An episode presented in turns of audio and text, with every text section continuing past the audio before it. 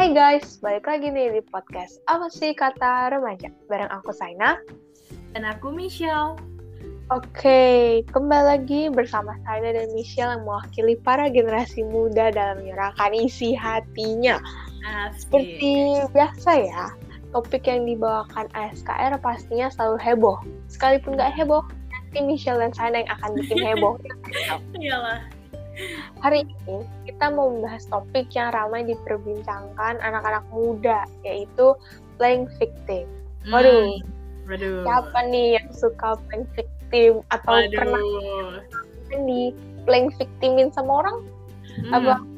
Jadi Michelle sama saya pernah jadi pelaku atau korban? Waduh, Duh, bahaya nih, harus kita bahaya, kupas. bahaya. Nanti di sesi curhat-curhat semuanya akan dikupas secara tajam, Wah. ya, secara Langsung terungkap ya. tajam silet. Oke, pertama kita mau berbagi info dulu ya guys tentang playing victim. Pasti banyak di antara kalian yang udah tidak asing lagi ya sama playing victim. Nah, buat teman-teman yang masih kurang paham tentang playing victim, tenang aja, nggak usah panik, nggak usah bingung. Karena kalau bingung harus pegangan. Tapi kalau nggak Iya. punya pegangan, nggak bisa pegangan. Jangan sampai pegangan di ayang orang lain ya guys. pegangan tanganku aja, ya.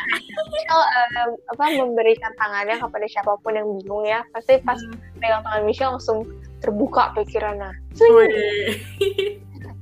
Oke, mari kita bahas bersama-sama. Semoga penjelasan dari kita ini mudah dipahami ya guys buat yang belum ngerti.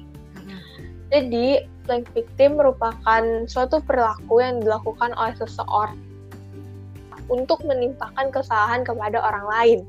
Padahal orang ini tuh tahu kalau kesalahan itu akibat ulah dia, tapi dia malah ngaku-ngaku jadi korban karena nggak mau bertanggung jawab sebagai pelaku. Hmm. Contohnya, aku habis numpahin minuman di ruang tamu, terus di situ ada Michelle juga. Nah, karena aku tahu aku habis bikin kesalahan, tapi aku nggak mau disalahin, ya udah aku acting nih jadi korban, seolah-olah Michelle sengaja dorong aku supaya minumannya tumpah. Jadi ya Michelle yang kena omel. Ya, orang lebih begitulah ya guys. Iya. Jadi ya, kamu disalahin lah intinya, gitu. Terus, eh, apa aja sih tanda-tanda orang yang bisa dibilang, wah ini orang play victim nih. Hmm, apa tuh? Detiknya ada tiga tanda ya. Yang pertama itu tidak mau bertanggung jawab. Nah, kayak yang aku udah bilang tadi ya, orang yang playing victim nih nggak mau bertanggung jawab atas kesalahan yang udah dibuat. Pastinya sih Iya. karena kamu salahin ya. Mm-mm. Dan juga karena dia selalu menganggap diri yang paling benar alias nggak pernah salah kayak perempuan ya karena perempuan selalu benar ya. Jadinya dia udah deh nyalain orang lain. Itu. Terus tanda yang kedua, tidak memikirkan solusi, hanya fokus pada masalah. Hmm. Nah. Kalau kalian ketemu orang yang selalu pesimis, terus nggak punya inisiatif untuk berubah atau mencari solusi, hati-hati ya guys, karena bisa jadi itu tanda-tanda playing victim.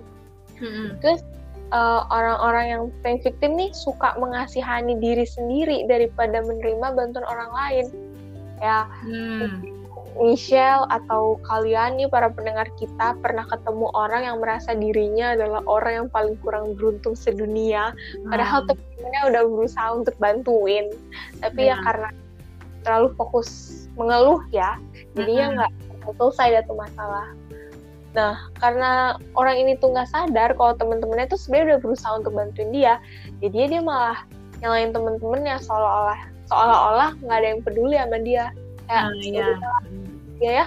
Itu itu itu sering banget sih kejadian dan kayak kayak apa ya kayak emang sesering itu kita dengar gitu ya.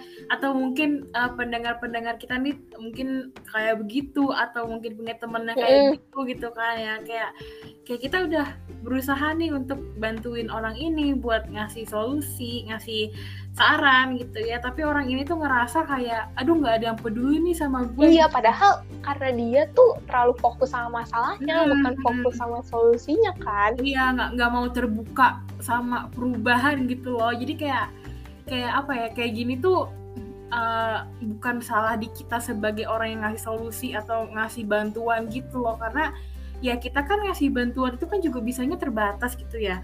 Kan uh, bantuan kita itu juga uh, bisa uh, bermanfaat buat orang itu kalau misalkan orang itu sendiri mau berubah gitu kan Iya, Tapi kalau betul. dari orang itu nggak ada kemauan ya sama aja gitu Mm-mm. Jadi kalian jangan menyalahkan diri kalian sendiri ya kalau misalnya kalian udah berusaha bantuin tapi uh, kalian ngerasa aduh gue gagal banget nih sebagai sahabat nggak bisa bantuin temen Hmm. gue karena tidak melulu salah kalian gitu. Setidaknya kalian sudah berusaha mencoba untuk bantu gitu lah ya. Iya benar Oke, terus tanda yang ketiga tidak memiliki rasa percaya diri. Hmm. Nah, orang yang playing victim nih selalu merasa dirinya kurang, merasa dirinya lemah, jadinya mereka nggak pede, nggak percaya diri. Nah, karena nggak pede nih, mereka jadi takut buat ngelakuin sesuatu. Mereka beranggapan kalau mereka nggak mampu dan akan gagal pas ngelakuin sesuatu itu.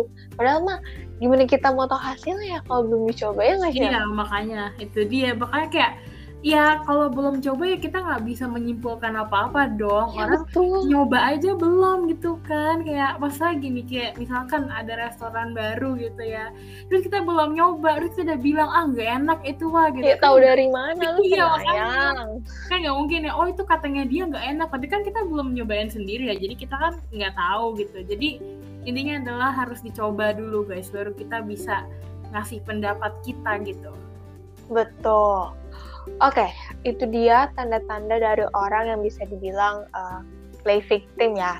hmm. Nah, sekarang kita akan masuk ke sesi curhat curhat ya. wah Hmm, bisa kita mulai dari Michelle dulu kali ya. Hmm. Michelle pernah nggak nih dapat pengalaman di playing victimin sama mantan atau sama temen atau janjian Michelle sendiri pernah nih playing victim? Langsung aja kita kupas tuntas ya. Silakan Michelle, waktu dan tempat dipersilahkan. Aduh kita kupas jeruk aja kali ya Terus dimakan enak ya. Aduh oke Hmm, mungkin di sini ceritanya aku tuh sebagai pelaku gitu ya Waduh, Michelle. ya ampun Gak apa-apa, gak apa-apa. Namanya manusia. Yang penting sudah sadar dan sudah tobat ya. Iya udah udah tobat banget sih karena Hmm. wah gila sih itu. Jadi ini tuh sebenarnya aku masih kecil sih, masih kelas 7 SMP apa kelas 8 ya? Kayaknya kelas 7 deh. Iya ya kelas 7 Hmm. masih Ya, masih- masih masih kecil bocah, banget lah ya, gitu. masih bocah-bocah. Hmm, Iya mungkin kalau dulu namanya kan belum tahu ya playing victim tuh apaan sih gitu kan. Mungkin ya Mm-mm.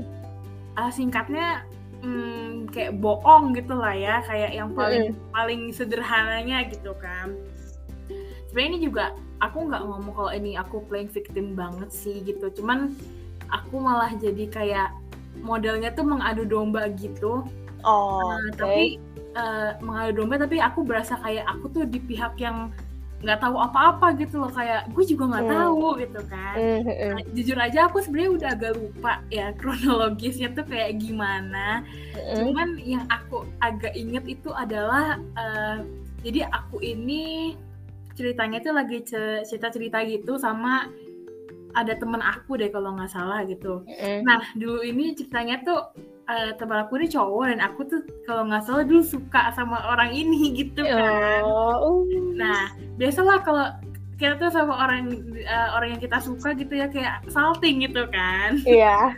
Nah, dengan bodohnya tuh dulu aku tuh eh, kayak kalau nggak salah tuh aku ngomong yang seharusnya nggak aku omongin gitu. Aku eh, nyebarin rahasia seseorang gitu. Nah, Mm-mm. Karena karena si si cowok ini tuh dulu tuh lagi-lagi ngomongin tentang si si eh, orang yang rahasianya aku sebarin itu gitu kan lagi ngomongin tentang Uh-uh. dia gitu nah terus eh, nggak sengaja aku ngomong gitu eh tahu nggak? Dia tuh begini-begini gitu kan. Terus aku kayak eh kenapa gue omongin? gitu kan. Itu kan rahasia gitu. Dia kayak dia cuma ngasih tahu ke gue doang gitu kan. Itu itu udah udah panik banget sih gitu. Mm-mm. cuma kan udah udah terlanjur ya aku nggak bisa nggak bisa narik lagi kata-katanya nggak bisa bikin dia lupa. Terus kayak akhirnya dia nanya dong "Eh, eh gimana maksudnya? gitu kan. Akhirnya terpaksa tuh aku kasih tahu gitu kan. Terus habis itu ya dengan jurus aku ngomong kayak tapi gue juga nggak tahu loh ya kan gue cuma denger denger doang. Aku Oh, gitu. kabar angin, kabar angin ya istilahnya ya. nah terus hmm, kalau nggak salah eh, akhirnya si cowok ini tuh ngomong ke temanku ini yang rahasianya aku sebarin itu gitu kan. Mm. nah terus besoknya temanku ini nanya ke aku eh kok pada tahu ya ini ini, ini? gitu kan. Terus aku udah ngerasa bersalah banget sih karena aku aku tahu kalau itu emang salah aku gitu kan aku yang nyebarin gitu dan aku emang nggak sengaja gitu kan. Terus akhirnya ya aku pura-pura bego gitu aku bilang kayak siapa yang tahu? gitu kan kayak e, ini loh banyak yang tahu ini ini ini ini gitu kan. Terus habis itu uh, aku kayak ngomong nggak tahu bukan gue bukan gue gitu kan. Terus kayak uh, dianya kayak ya udah percaya percaya aja gitu kan. Terus habis itu juga Hmm, sebelumnya tuh kayak aku juga ngomong ke si cowok ini untuk kayak eh jangan bilang kalau itu gue ya yang ngasih tahu gitu kan. Terus kayak mm. beda gitu. Nah cuman akhirnya si temanku yang rahasianya aku sebarin ini tuh kayak maksa si cowok ini tuh ngasih tahu gitu loh siapa sih yang ngasih tahu atau kasih tahu gue dong gitu kan. Nah aku nanti aku lupa nih entah aku duluan yang ngomong kalau aku yang nyebarin atau cowok ini yang ngasih tahu ke dia gitu kan. Nah terus akhirnya uh, ya udah deh tuh uh, ketahuan gitu kan kalau misalkan aku yang nyebarin uh, cuman beruntungnya adalah aku ngerasa bersyukur banget karena waktu itu teman aku tuh ya kecewa pasti sih lah ya. Cuman nggak marah yang kayak ngambek atau gimana gitu loh kayak yaudah kayak dia akhirnya paham gitu karena aku akhirnya dari situ aku juga ngomong gitu kayak uh, iya uh, sorry ya saya itu sebenarnya gue yang ngasih tahu gitu gue nggak sengaja keceplosan. Terus gue nggak mau jujur karena uh, gue takut kalau misalkan terlalu marah gitu-gitu. Makanya gue pura-pura nggak tahu gitu kan. Nah cuman uh, mungkin ya kenapa di sini aku ini jadi pengalaman playing victim aku aku ngerasa kayaknya aku juga uh, nunjuk seseorang gitu loh jadi aku nyalahin hmm. seseorang gitu padahal bukan dia gitu hmm. kan jadi kayak ya gimana ya kayak kayak pokoknya dulu kayak ngerasa bersalah banget sih gitu kan karena ya um, mesti kayak dia teman aku sendiri terus aku bohong udah gitu udah aku bohong udah gitu aku nyalahin orang lain padahal orang lain itu nggak salah gitu kan cuman ya itu nggak lama sih kayak kayak kayaknya cuma dua hari terus habis itu ketahuan karena oh. bener-bener kayak nggak apa ya kayak kan nggak nyaman banget gitu ya kayak kita tahu itu salah kita tapi kita jatuhin di orang lain gitu kan nimpalin di orang lain gitu itu kan kayak nggak nyaman banget gitu akhirnya ya udah pas tahu aja kalau itu sebenarnya aku gitu yang nggak sengaja nyebarin gitu kan tapi kayak mm uh, apa uh, ya pokoknya dia minta maaf dan lain sebagainya terus akhirnya ya udah deh selesai masalahnya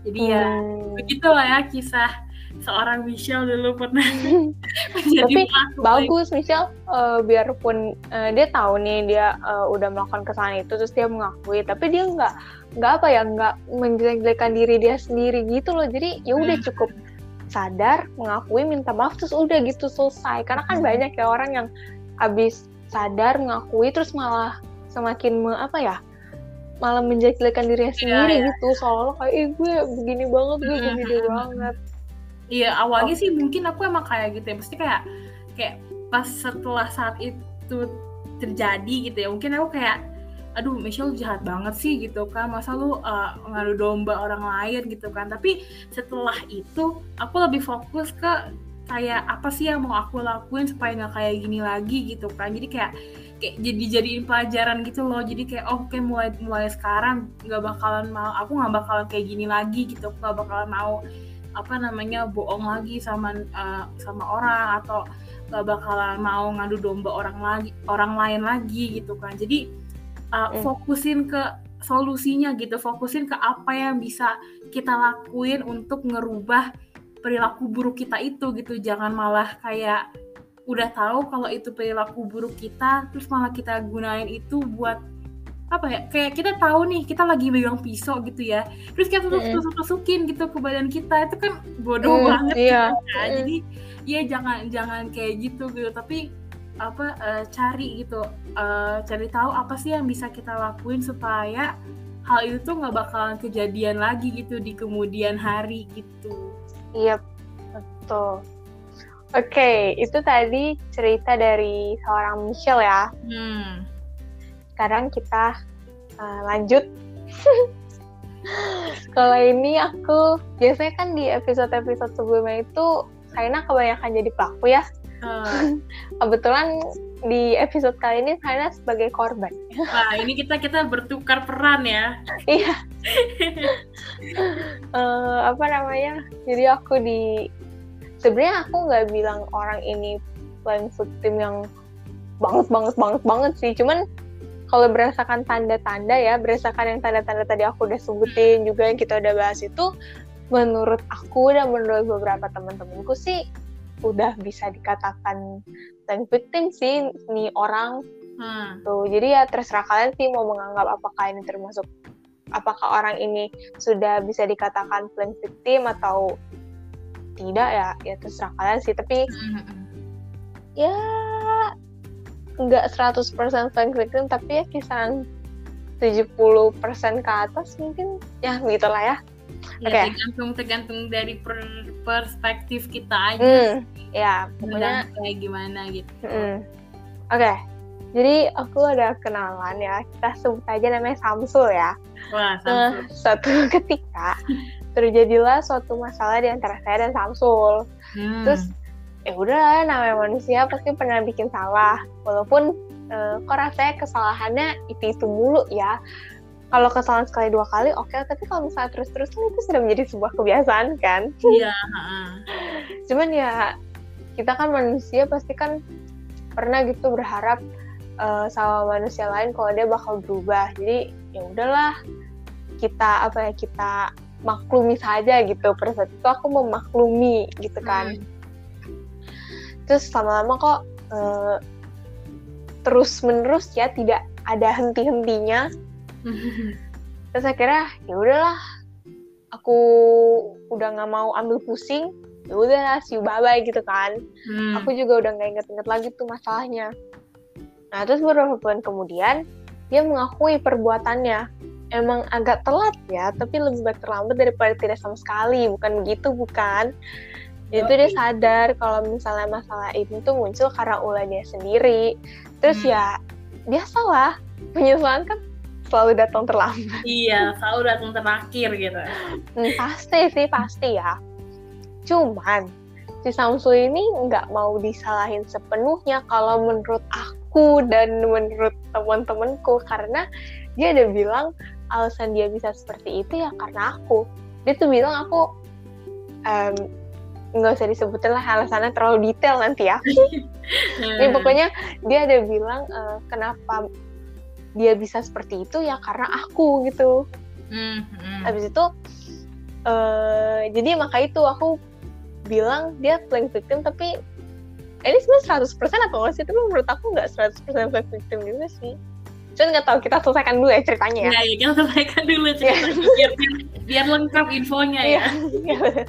nah, pokoknya setelah dia mengakui uh, kalau semua ini karena ulah dia, dia bilang ya dia begitu karena aku. Jadi aku menjadi salah satu penyebab dia seperti itu gitulah pokoknya. Ya, nah, ya. habis itu udah kan nih aku kira dia udah baik-baik aja gitu, udah diem-diem aja menikmati hidup karena aku juga udah udah ya. Gue juga udah maafin lo dari jauh-jauh hari dan gue juga udah nggak mau nggak mau ngebahas lagi nggak mau ungkit-ungkit lagi nggak penting gitu loh udah selesai ya udah gitu kan. Eh ternyata tidak sampai di situ kawan. Dia kembali berkeluh kesah menyesali segala perbuatannya sambil membego-begokan dirinya sendiri. Ya, hmm. ya itu pilihan dia sih suka-suka dia. Ya toh itu hidup dia juga. Cuman menurut aku nggak perlu sampai segitunya loh. Aku hargain dia udah minta maaf udah ngaku terus udah sadar juga kalau dia salah.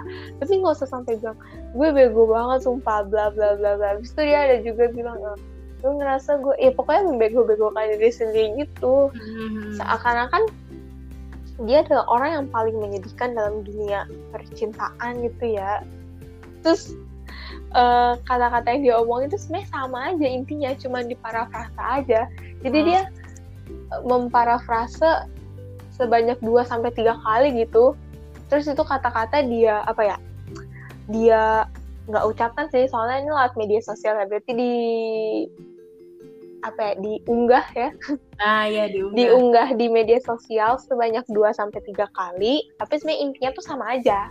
Ya tapi ya ya udah lah ya. Saya juga sudah lelah ya. Nggak lah guys. Kita tetap harus semangat. Jadi ya nggak siap semangat betul ya hmm. semangat lah.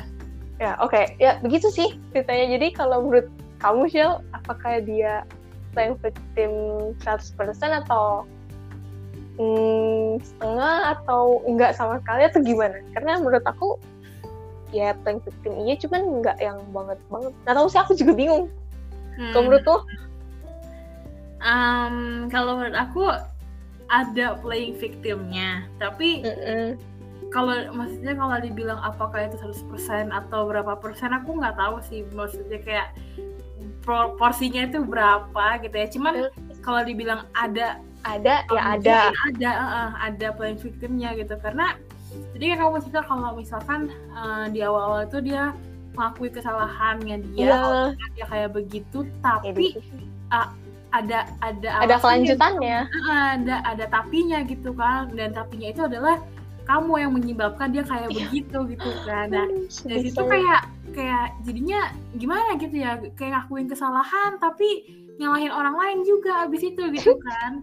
Jadi kayak agak gimana gitu. Nah tapi setelah itu dia malah kayak eh, nyalahin dirinya sendiri lah terus Iya, dia menyesal. Oke, kita kan menghargai orang yang menyesal. Maksudnya, ya udah lu menyesal, terus jadinya itu sebagai pelajaran. Tapi setelah dia menyesal, dia malah, ya, ya kamu tahu lah sih. ya, ya. ya cuma maksudnya kita eh, kita harus ta eh, kita taunya eh, nih orang emang playing victim 100% tuh ya eh, dari ceritanya dia gitu maksudnya gini kayak oke nih emang mungkin kalau di media sosial dia ngomongnya kayak aduh eh, gue minta maaf banget gitu kan gue ber- bersalah banget gitu gitu tapi apakah apakah cerita dia ke orang lain itu sama Hmm. dengan apa yang dia unggah di Iya. media sosial gitu kan Itu dia. Iya bisa aja yang diunggah di media sosial kayak oke nih dia menyesal dia minta maaf gitu kan tapi ternyata bisa aja yang dia kasih tahu ke orang lain malah kayak oh ini tuh gara-gara Saina Saina tuh orangnya begini-begini ini gue tuh begini ya gara-gara misalnya nih eh, gara-gara Saina tuh nyuruh gue kayak gini kemarin gitu kan. kan kita nggak tahu gitu kan ya kita nggak Iya. tahu cerita ke siapa aja cerita tentang apa aja jadi ya kalau dari perspektifnya kita kita ngerasa kayak ada playing victimnya tapi kayak ya udah gitu loh kayak Ya, segitu kita nggak bilang 100% Mm-mm. sih, ya 70% mungkin ya gitu. Jadi buat lu yang merasa sebagai Samsul, ya udah ya lu nggak usah menyalahkan diri lu terus menerus gitu karena nggak ada guna juga. Maksudnya semakin lu Hmm. menyalahkan diri lu ya lu malah akan semakin terpuruk gitu loh. Harusnya tuh lu Iya. bangkit gitu loh, bangkit gitu. Ah, hidup hidup udah susah, lu makin begitu makin susah lagi hidup lu. Iya. Jadi jangan begitu ya Samsul, Samsul. Dan para Samsul Samsul lain di luar sana ya, tolong banget ini mah tolong. jangan jangan jangan senang jadi korban apa. Ya, Iya, gitulah. Oke ya, itu eh, cerita singkat dari Michelle dan Saina tentang Hmm. pengalaman di playing victimin sama orang dan Michelle eh, playing victim ya. Tapi itu kan masih ya masih bocah lah, masih kecil jadi masih bisa dimaklumin lah. Oke. Sekarang nih, ya sekarang, ya sekarang. Karena kalau besok lama. Oke, Iya, sekarang kelamaan. ini kita mau ngasih tahu gimana sih caranya supaya kita tidak menjadi orang yang eh, playing victim ya. Hmm. Yang pertama, pandang diri sebagai pejuang, bukan korban. Ya, Yang namanya hidup pasti ada aja masalahnya ya kan. ya.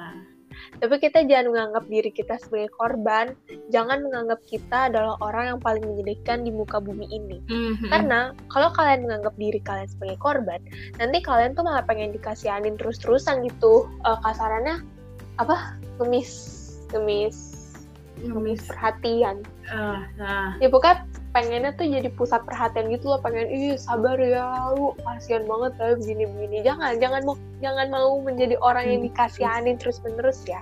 Terus eh, kalau misalnya kalian acting jadi korban orang lain bakal menganggap yang salah tuh bukan kalian. Padahal bisa aja itu karena ulah kalian sendiri. Kan? Mhm. kayak kalau misalnya kalian ya namanya juga playing victim kan kalian berpura-pura menjadi korban. Terus orang-orang malah menganggap ih lu sabar banget ya nanti pelakunya pasti dapat karma deh. Nah kalau misalnya pelakunya kalian bagaimana? Nah, Iya. serem ya serem Iya ya. makanya. Iya makanya Jadi- ini sih maksudnya gini, aku aku tahu gitu ya kenapa orang tuh ada yang playing victim gitu kan. Karena mungkin eh, pengen perhatian dari orang Iya, lain gitu kurang kan. perhatian kan Iya. dia dan dan apa pengen perhatian dari orang lain tuh nggak salah kok gitu. Kayak iya. itu nggak itu bukan sesuatu yang harus disalahkan atau sesuatu yang bikin kita malu gitu. Kayak namanya manusia ya malu sosial gitu kan. Butuh orang lain butuh temen gitu kan. Jadi kalau misalkan nih kalian ngerasa kalian butuh perhatian ya daripada kalian playing victim ya minta aja gitu loh. Maksudnya kayak iya betul uh, bangun komunikasi, bangun hubungan relasi yang baik sama orang-orang gitu. Dengan begitu kan ya otomatis pasti uh, pasti ada rasa rasa kekeluargaan gitu kan, rasa diperhatiin, disayang gitu kan. Jadi apa ya? Um, apa sih kayak uh, kamu ada kemauan untuk mm, diperhatikan gitu ya caranya untuk untuk mendapatkan itu ya dengan cara yang positif gitu loh iya cara yang baik gitu loh. Iya, uh, jangan jangan menghalalkan segala cara.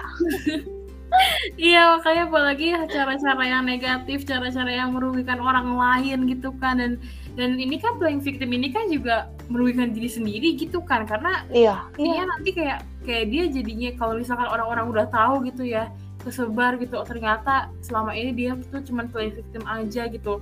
Tapi orang-orang pandangan pandangan orang-orang terhadap dia jadi jelek gitu kan. Citranya Mm-mm. jadi jelek gitu. Kayak gitu juga jadinya orang-orang nggak percaya sama dia lagi gitu. Jadi makanya uh, daripada kalian playing victim untuk uh, menarik Cari perhatian. ha-ha, mendingan kalian ya kalau emang pengen perhatian dari seseorang ya bilang aja gitu cari hal cari caranya gimana gitu ya cari, eh, cari yang positif gitu jangan jangan ke cara yang negatif gitu Iya, betul. Oke, terus eh, cara yang kedua adalah miliki rasa tanggung jawab atas diri sendiri. Ya, ketika kalian sadar kalian adalah orang yang menyebabkan suatu masalah, kalian harus berani bertanggung jawab. Hmm. Mengakui kesalahan itu bukan hal yang memalukan kok. Justru Hmm. orang-orang akan lebih respect sama kalian kalau kalian mau bertanggung jawab atas perbuatan yang udah kalian lakukan, ya kan? Iya. Lagian kalau salah masih bisa dibenerin kok. Tidak ada kata terlambat untuk taubat, guys. Pintu taubat selalu terbuka untuk kalian. yang penting ada kemauan deh Ya, betul. Oke. Terus yang cara yang ketiga dan cara yang terakhir juga yaitu jangan memperlakukan diri terlalu keras. Hmm. Ya, saat kalian menjadi diri oh, saat salah baca guys, salah baca. saat kalian menjadikan diri sendiri sebagai korban, cari langsung kalian itu udah siap untuk selalu menjadi korban gitu kan. Kalian acting jadi korban ya. Misal kalian dalam seminggu acting tiga kali jadi korban. Itu kan setiap tahun kalian mempersiapkan diri kalau suatu waktu kalian benar jadi korban, kalian udah nggak kaget gitu karena kalian udah Hmm. terbiasa acting kan. Tuh, jadi jangan sampai ya, jangan sampai acting jadi korban malah bikin kalian jadi korban beneran. Hmm. Emang sih kalau kalau kayak Michelle bilang tadi kalau jadi korban itu akan lebih mendapat banyak perhatian dari orang lain, banyak yang simpati sama kalian. Tapi percaya deh, lebih enak dan lebih menyenangkan kalau kalian bisa jadi pejuang yang mampu melawan. Ya nggak guys? Yes. Ayo nggak Shell? Iya ya guys. kalian Iya. lihat di rumah masing-masing. Benar-benar Tapi ingat melawanlah karena memang kalian terbukti benar, bukan karena kalian merasa paling benar atau selalu benar. Introspeksi diri itu penting, guys. Iya apalagi gini, kalau misalkan eh, ada orang yang kayak eh, ini, ini simpelnya deh di, di, di sehari-hari gitu ya, ada orang Mm. debat gitu misalkan, debat tentang suatu masalah gitu. Terus yang satu tuh udah udah eh, akhirnya nyadar kalau misalkan ternyata apa yang dia state itu salah gitu kan, dan dan lawannya itu yang benar gitu. Nah pasti ada aja perasaan untuk gue pengen menang nih, gue bakalan malu Pasti lah, pasti. Iya kan, pasti begitu kan. Dan akhirnya dia uh, menghalalkan segala cara gitu ya. Dia ngomong ini ngomong itu, dia akhirnya uh, tetap tetap kekeh gitu ya, tetap debat terus gitu kayak enggak ini tuh bener gini-gini. Dan menurut aku tuh uh, emang uh, pasti pasti normalnya tuh uh, bakalan apa ya kita ngerasa kayak aduh malu banget nih uh, gue udah uh, ngotot-ngotot gitu tiba-tiba salah gitu kan tapi ya tapi lebih baik kalian itu akhirnya mengakui kesalahan kalian gitu loh daripada kalian makin ngotot lagi padahal kalian udah tahu salah gitu Iya, Itu itu lebih itu malu. lebih malu sih, Heeh, bener. iya makanya kan karena karena kelihatan kok gitu ketahuan mana orang yang kayak udah tahu salah tetap nyolot gitu kan ya. Dan, dan apa uh, bak itu tuh tuh memalukan banget guys gitu. Jadi uh, kalau kalian udah ngerasa nih debat sama orang terus kalian tahu kalau kalian ini salah gitu mendingan kalian langsung mengakui kalau eh sorry ya ternyata emang gue yang salah gitu. Daripada mm. kalian terus nyolot gitu ya terus ngotot tapi uh, kalian tuh sebenarnya salah gitu. Itu itu memalukan banget gitu. Jadi mm. pokoknya jangan sampai deh tapi kalau misalnya debat kan emang pasti kita uh, entah kita jadi tim yang pro atau kontra kita pasti berusaha untuk mempertahankan kita apa mempertahankan uh, jawaban kita kan yeah. maunya kita yang menang kan kayak Michelle bilang tadi kayak misalnya yang paling sering di film-film atau dijadiin contoh tuh misalnya topik perdebatannya tentang aborsi terus yang hmm. satu tim pro yang satu tim kontra kalau secara umum sih kebanyakan orang akan menganggap yang benar itu dan yang akan menang tim pro kan hmm. itu kalau secara umum sih tapi ya bisa aja sih ada pendapat lain cuman secara umum lah Nah, sebagai tim yang kontra, ya kemungkinan besar sih tim orang-orang yang di tim kontra itu sudah merasa ya ini mau udah pasti kalah tapi setidaknya kalian tetap berusaha dan ya walaupun pada akhirnya kalian bisa aja kalah tapi setidaknya kalian udah berusaha dan mengakui gitu kalau ya memang hmm. aborsi itu tidak diperbolehkan gitu loh ya pokoknya yang Michelle bilang tadi tuh udah bener banget udah jadi tolong dipahamin banget ya guys supaya kalian hmm.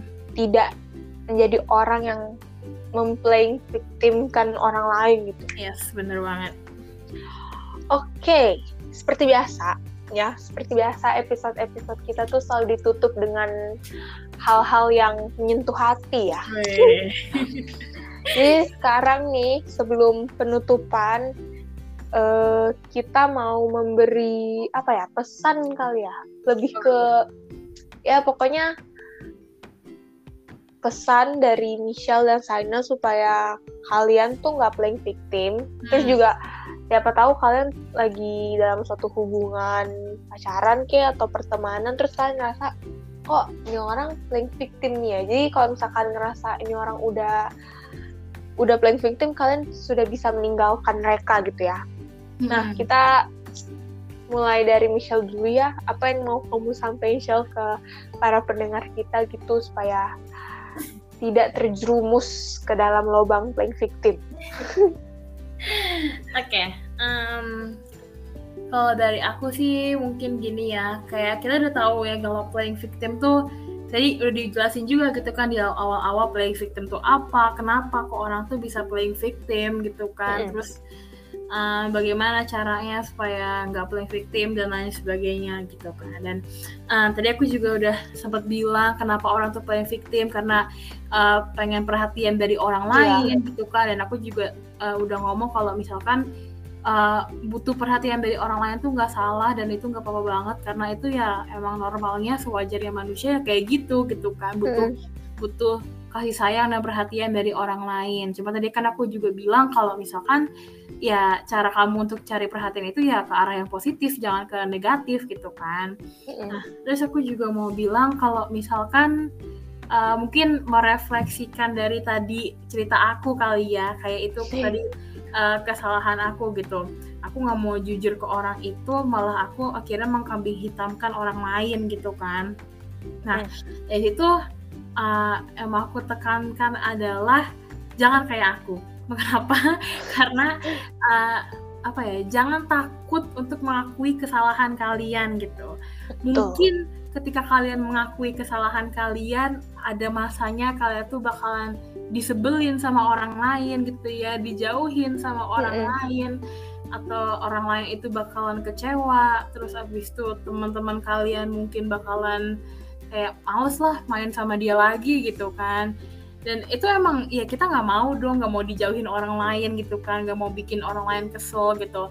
Tapi setidaknya uh, lama kelamaan orang lain itu bakalan ngerti kalau uh, iya sih emang orang kan bisa bikin kesalahan gitu kan. Dan uh, setidaknya orang ini tuh mau berani mengakui kesalahan dia berani bertanggung jawab gitu kan. Berani untuk uh, apa ya uh, face the consequences gitu. Walaupun dia bakalan dijauhin bakalan uh, dimusuhin gitu misalnya. Jadi uh, intinya adalah kalau misalkan nih kalian lagi lagi apa ya menyimpan sesuatu gitu ya yang membebani kalian. Sekalian mikir kayak aduh aku diem diem aja atau aku ngaku atau gimana gitu ya. Dan saran dari aku adalah kamu langsung aja gitu ngaku kalau itu emang salah kamu gitu kan itu kesalahan kamu. Dan kamu harus tanggung jawab gitu loh. Jadi kayak hmm, biar orang lain tuh bisa tahu kalau kita ini tuh emang manusia bisa bikin kesalahan tapi setidaknya kita nggak lari dari permasalahan itu gitu loh setidaknya yeah. kita tetap face the problems kita tetap bertanggung jawab atas permasalahan itu gitu udah sih itu aja dari aku Oke, yang Michelle sampaikan tuh udah sangat amat jelas ya. Semoga kalian dapat memahami dengan baik ya, terus diterapkan juga. Jangan cuman iya-iya tapi nggak diterapin gitu. Nanti kasihan Michelle. Michelle nih kalau ngomong tuh emang uh, bahasanya menyentuh banget ya guys. Soalnya dia anak psikolog, dia tuh mengerti banget tentang manusia-manusia ya. Jadi kalau misalnya kalian mau curhat gitu, mau but, apa butuh saran, bisa aja langsung hubungin Michelle lah. Karena saran-sarannya tuh top markotop dah pokoknya. Oke, okay, kalau misalnya dari aku, nggak beda jauh juga sih uh, dari apa yang udah Michelle sampaikan tadi. Cuman aku parafrasein aja. Oh, nah, kalau dari aku yang pertama, jangan mau dikasihanin sama orang terus-terusan. Hmm. Nanti orang malah menganggap kalian lemah. Karena kalau misalnya kalian, jangan kan orang lain, kalau kalian sendiri terus-menerus mengasihani diri kalian, ya kalian nggak akan berkembang gitu. Kalian akan, ya gue nggak bisa gue mah lemah banget gue begini begitu. Terus nggak bisa maju gitu karena udah mm. udah pesimis duluan ya. Yeah. terus kalau misalnya orang kalau misalnya kalian seneng dikasihanin orang ih, ih jangan deh jangan seneng dah nggak boleh seneng. Jangan seneng kalau dikasihanin orang. Soalnya nanti tuh orang tuh bener-bener menganggap kalian lemah tahu. Ih ih gemes banget dah. Kalau misalnya lagi gemes. banget banyak banget orang-orang yang pernah cerita ke aku mereka tuh nggak tahu ya memang mereka seperti itu apa apa gimana pokoknya mereka tuh secara tidak langsung tuh mereka seneng gitu loh dikasihanin terus menerus sama orang padahal mereka tidak tahu ya kalau orang bisa aja menganggap mereka lemah ah ada yeah. sih iya. contohnya tapi ah, jangan dah terlalu ini terlalu terlalu nanti ah nanti menyinggung pihak-pihak mana pun ya. Nggak usah ya pokoknya ini pokoknya adalah ya, pokoknya jangan mau dikasihanin sama orang terus-terusan. Nanti orang malah menganggap kalian lemah tuh. Hmm. terus yang kedua kalau misalnya kalian udah tahu salah ya udah ngaku aja minta maaf. Berani berbuat berani bertanggung jawab. Nggak usah ajak-ajak orang lain untuk ikut disalahkan juga. Nggak gentle namanya nah, berlaku ini berlaku untuk perempuan dan laki-laki ya. Jadi kalau misalkan salah ya udah akuin minta maaf. Sudah deh nggak usah dibahas. Jangan abis salah terus mengakui minta maaf tuh malah menjelek-jelekan diri sendiri. Yeah. dan begitu. Terus mm, udah sih tadi misal juga sempat bahas tentang jujur-jujur gitu kan. Hmm. nah ini aku ada nemu kuas ini kalian juga udah bosan kali ya denger ya tapi nggak aku ingatkan lagi. Lebih baik disakiti dengan kejujuran daripada bahagia tetapi penuh dengan kebohongan. Wih, ya jadi ya begitulah. Emang kejujuran itu uh, mahal dan kadang menyakitkan ya. Tapi ya masa lo mau sih hidup aman damai tapi dipenuhi dan diselimuti dengan kebohongan? Nih gue mau enggak enggak ya nah, iya. hidup aja udah beban iya. Gitu ya ampun. Bisa bisanya makin stres gitu. dah. Jangan begitu ya guys. Oke deh kalau begitu. Udah cukup kali ya kita bahas tentang playing victim playing victim pada hari ini. Dan seperti biasa juga aku sama Michelle nggak nggak pernah bosen dan nggak akan bosen sih ya buat ngingetin kalian. Kalau bisa setiap hari kita ingetin sih biar yeah. kalian juga nggak lupa. Ya pokoknya uh, pantengin terus podcast ASKR yang akan upload di hari-hari yang akan dijelaskan sama Michelle. Jangan lupa untuk dicatat supaya nggak ketinggalan. Oke, okay, coba Michelle tolong disampaikan boleh boleh. Jadi ASKR itu uploadnya itu seminggu dua kali gitu ya kapan aja. Uploadnya itu setiap hari Jumat dan hari Minggu. Hari Jumat itu kita uploadnya jam 6 sore dan hari Minggu itu kita uploadnya jam 8 pagi. Inget ya guys dicatat bikin reminder jangan sampai ketinggalan.